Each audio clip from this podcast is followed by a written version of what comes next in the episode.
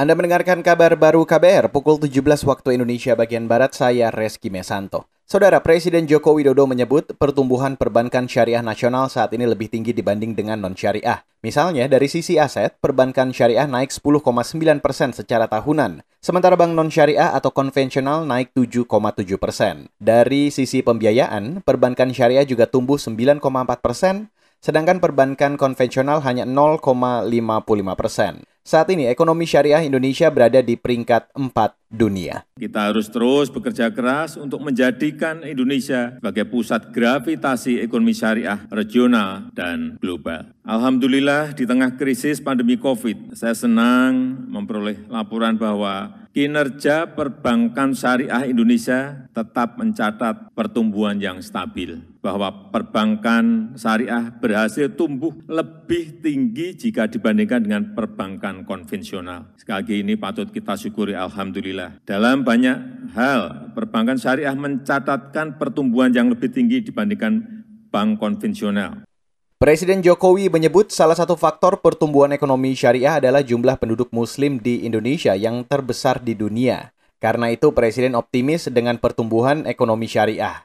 Hal ini disampaikan Jokowi saat meresmikan pembukaan Bank Syariah Indonesia di Jakarta hari ini. Kita ke Solo, Saudara. Pemerintah Kota Solo, Jawa Tengah merevisi daftar penerima bantuan sosial Bansos COVID-19 yang jumlahnya mencapai ribuan orang. Informasi selengkapnya kita bergabung bersama kontributor KBR, Yuda Satriawan. Yuda. Ribuan data penerima bantuan sosial di Solo yang dicoret pemerintah sebagian sudah direvisi kembali. Wali Kota Solo Hadi Rudiatma mengatakan hampir 10 ribu data warga di Solo yang dicoret pemerintah kembali masuk ke daftar penerima bantuan sosial. Menurut Rudi, total data di Solo yang dicoret pemerintah mencapai 15 ribu orang. Solo yang kemarin sempat dikurangi BST-nya 9 ribu, sekarang sudah kembali.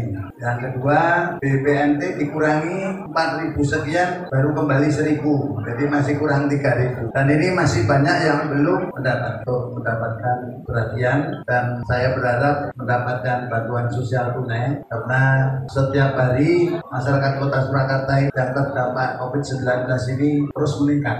Pemerintah Kota Solo kembali menyalurkan bantuan sosial pada masyarakat penerima yang terdaftar. Bantuan itu berupa bantuan sosial tunai atau BST dan bantuan pangan non tunai atau BPNT. Dari Solo, Jawa Tengah, Yuda Satriawan, KBR.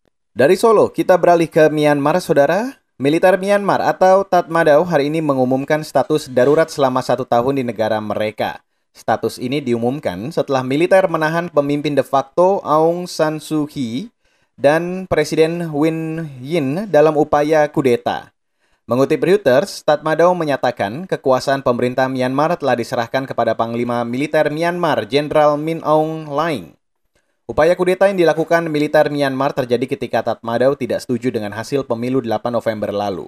Mereka menuding ada jutaan pemilih palsu dalam pemilu dan menuntut Komisi Pemilihan Umum Myanmar memberikan daftar pemilih akhir untuk diverifikasi. Sejumlah negara mengecam aksi ini, salah satunya Amerika. Demikian kabar baru KBR, saya Reski Mesanto.